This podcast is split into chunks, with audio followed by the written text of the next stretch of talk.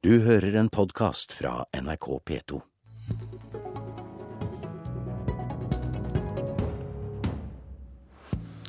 Det er flertall for å sette kull på svartelista, for Senterpartiet har nå bestemt seg for å si nei til å investere oljepenger i kull. Men vil flertallet tvinge regjeringen i kne? Eller må noen spørre Erna om lov? Noen er her, men først skal han som sikrer flertall. Velkommen til Politisk kvarter, Trygve Slagsvold Vedum. Nestleder i Senterpartiet. Eh, du må nesten få samme spørsmål som Arbeiderpartiet fikk da de snudde. Hvorfor nå? Først etter at dere mistet makten til å gjøre dette her? Nei, men Det er helt naturlig at det kommer nå. for I forrige periode så tok vi ut tobakk. Det har vært en lang debatt om hvilke etiske grenser vi skal ha for hva vi skal investere i. Forrige stortingsperiode eller når vi styrte, så var det tobakk vi trakk oss ut av. og Det var en klok og en god beslutning. Tapte 10 milliarder kroner på det. Ja, Det er en påstand. Eh, men, men, det skal være noen grenser for hva vi skal tjene penger på. Og det har det vært et eh, stort flertall for i Stortinget. Du hører her at Frp mener at det skal være færre grenser. Eh, så var det et initiativ i fjor høst mellom de nordiske statsministrene og president Barack Obama, der det ble enighet om at man skulle ikke investere aktivt i kull i andre land eh, framover. Og ikke bruke bistandspolitikken til å investere i kull. At det skulle være en felles målsetning å få ned investeringene i kull. Og I etterkant av det kommer det forslaget her som en naturlig oppfølging, og at man går litt i front.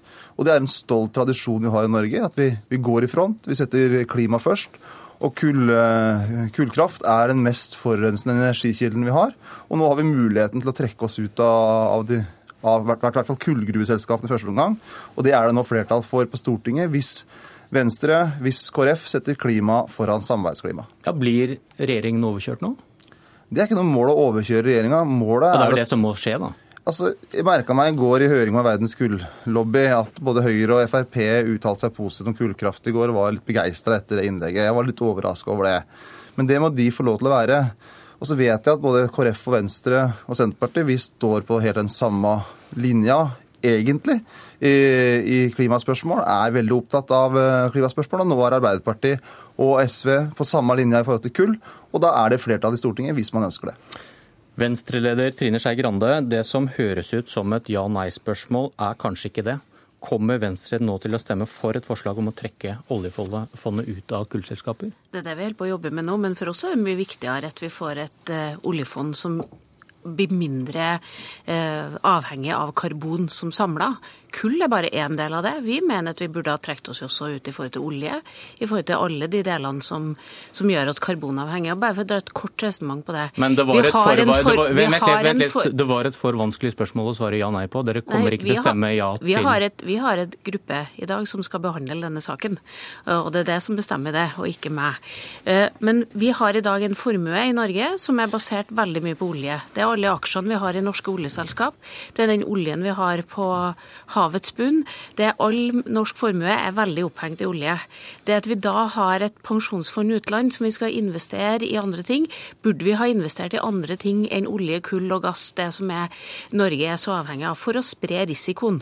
Enhver som har eh, litt penger til overs, vet at det er viktig å spre risiko. Hvis oljeprisen plutselig daler, så er Norge veldig utsatt med det her. Det at vi plutselig får en regjering som noen, da, noen regjeringsparti som noen dager etter de går ut av regjering, skal plutselig være de store moralske vokterne. Slagsvold Vedum sier at vi, vi har da lagt, holdt på med dette i mange år. Nei, det har dere ikke. Dere gjorde ingenting av dette da dere satt i regjering. Dere var de svakeste på å følge de gode rådene som vi får i forhold til etikk og dra ut selskaper. Vi hadde en finansminister som satt og satt og satt og satt på alle de forslagene han har på å dra ut selskaper. Det var ingen aktiv lederskap. Nå har vi inngått et samme samarbeid med regjeringa som sier at regjeringa skal faktisk komme med en stortingsmelding om dette her i neste år. Og nå er det vi vedtar marsjordren for hva de skal jobbe og utrede med. Og poenget er jo det at det, dette, er, dette, er, veldig viktig å gjøre mye bredere enn bare kull. Det å gjøre det bare på kull er egentlig en kampanje for å selge norsk gass. Det er egentlig for å forurense enda mer. Og jeg har, har, lite sans for bare kull. Jeg mener at vi må gå ut mye bredere. Og Venstre sin posisjon er at vi bør gjøre oss mindre avhengig av de gamle eh, energiformene. Du skal få svare, Slagsvold Vedum, men først til det andre partiet som kan eh, sikre flertall her. Eh, parlamentarisk leder i Kristelig Folkeparti, Hans Olav Syversen fra vanskelige asylforhandlinger til vanskelige forhandlinger om kull med Frp og Høyre? Nei, jeg opplever ikke at uh, de forhandlingene er så vanskelige. Det uh, Kristelig Folkeparti og Venstre foreslo i fjor, uh, det var at vi skulle få en faglig utredning for å se hvordan man skal behandle kull, olje og andre fossile energikilder. Om det er riktig å gjøre framover også i investeringer i pensjonsfondet. Jeg er ganske sikker på at når vedtaket fattes i Stortinget, så er det det som kommer til å stå. Kristelig Folkeparti og Venstre har stått for en konsekvent linje. Det er mer enn det en kan si om mange andre.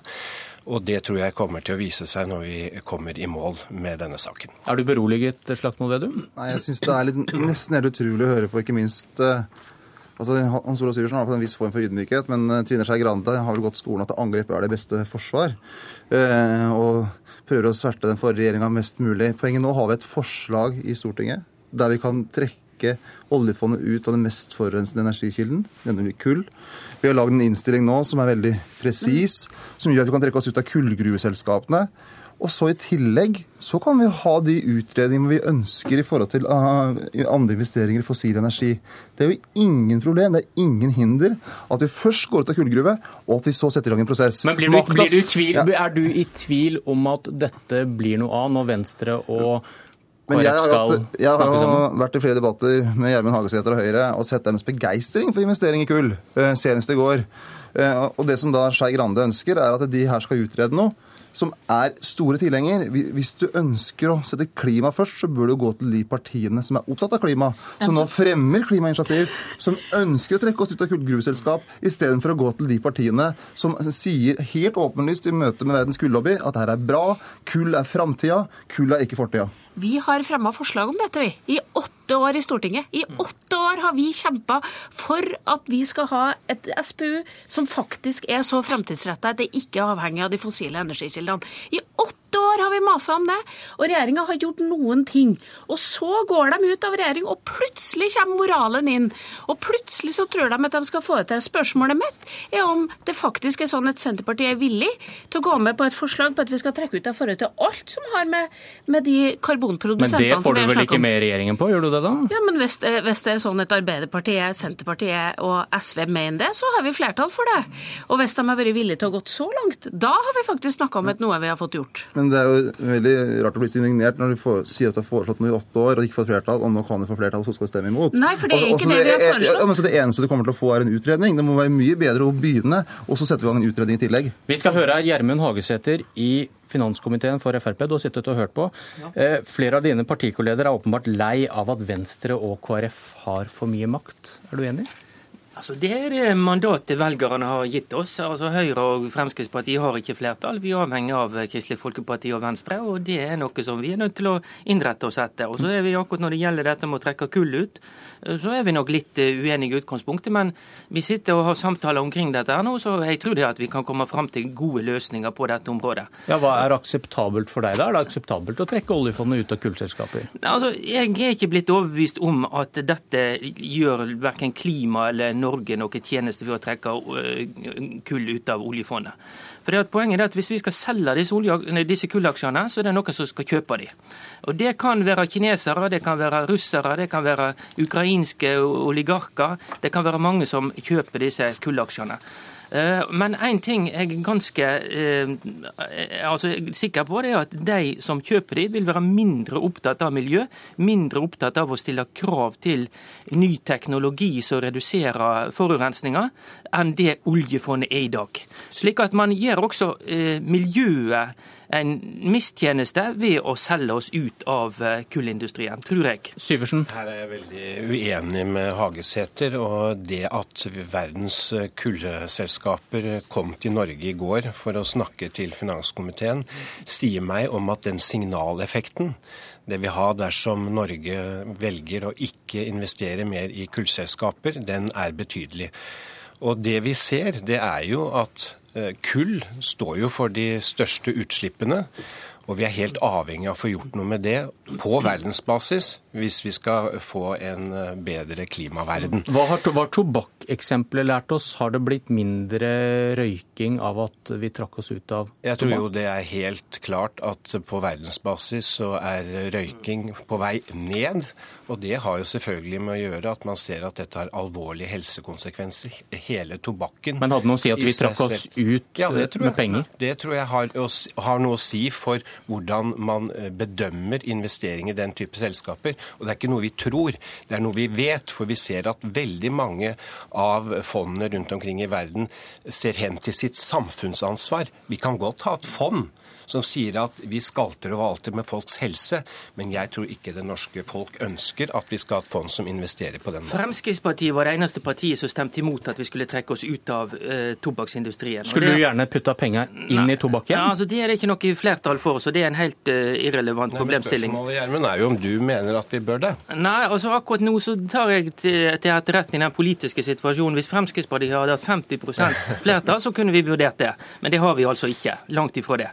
Men det har vi altså tapt 10 milliarder på. Og én ting oljefondet var opptatt av, det var også å stille krav til tobakksindustrien når det gjelder markedsføring overfor den tredje verden, og markedsføring overfor mindreårige. Det er det altså blitt mindre av nå, eh, den type krav, etter at oljefondet trakk seg ut. Så også innenfor den tredje verden og mindreårige så har man altså blitt møtt med mer aggressiv markedsføring fra tobakksindustrien sannsynligvis, etter oljefondet trakk seg Ja, ut. men Hvis vi skal følge dette resonnementet, så betyr det at eh, oljefondet går inn i de aller verst tenkelige, eh, tenkelige råstoffer, eh, varer, for vi skal forvalte dette bedre. Jeg tror det er mye bedre på sikt å sette en klar grense og si at nei. Dette kan vi faktisk ikke stå ansvarlig for Mm. overfor det norske folk å investere i. Vi har et etisk rammeverk, og det har stor oppslutning Men- i det Men det er- norske folk. tobakk, er en lovlig vare, og kull er også en lovlig vare. Og kull og verden er avhengig av eh, kullkraft.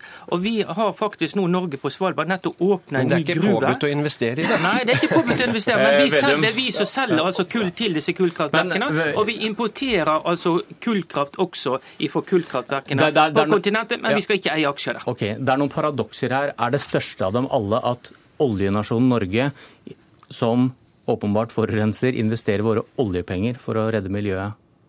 Vedum?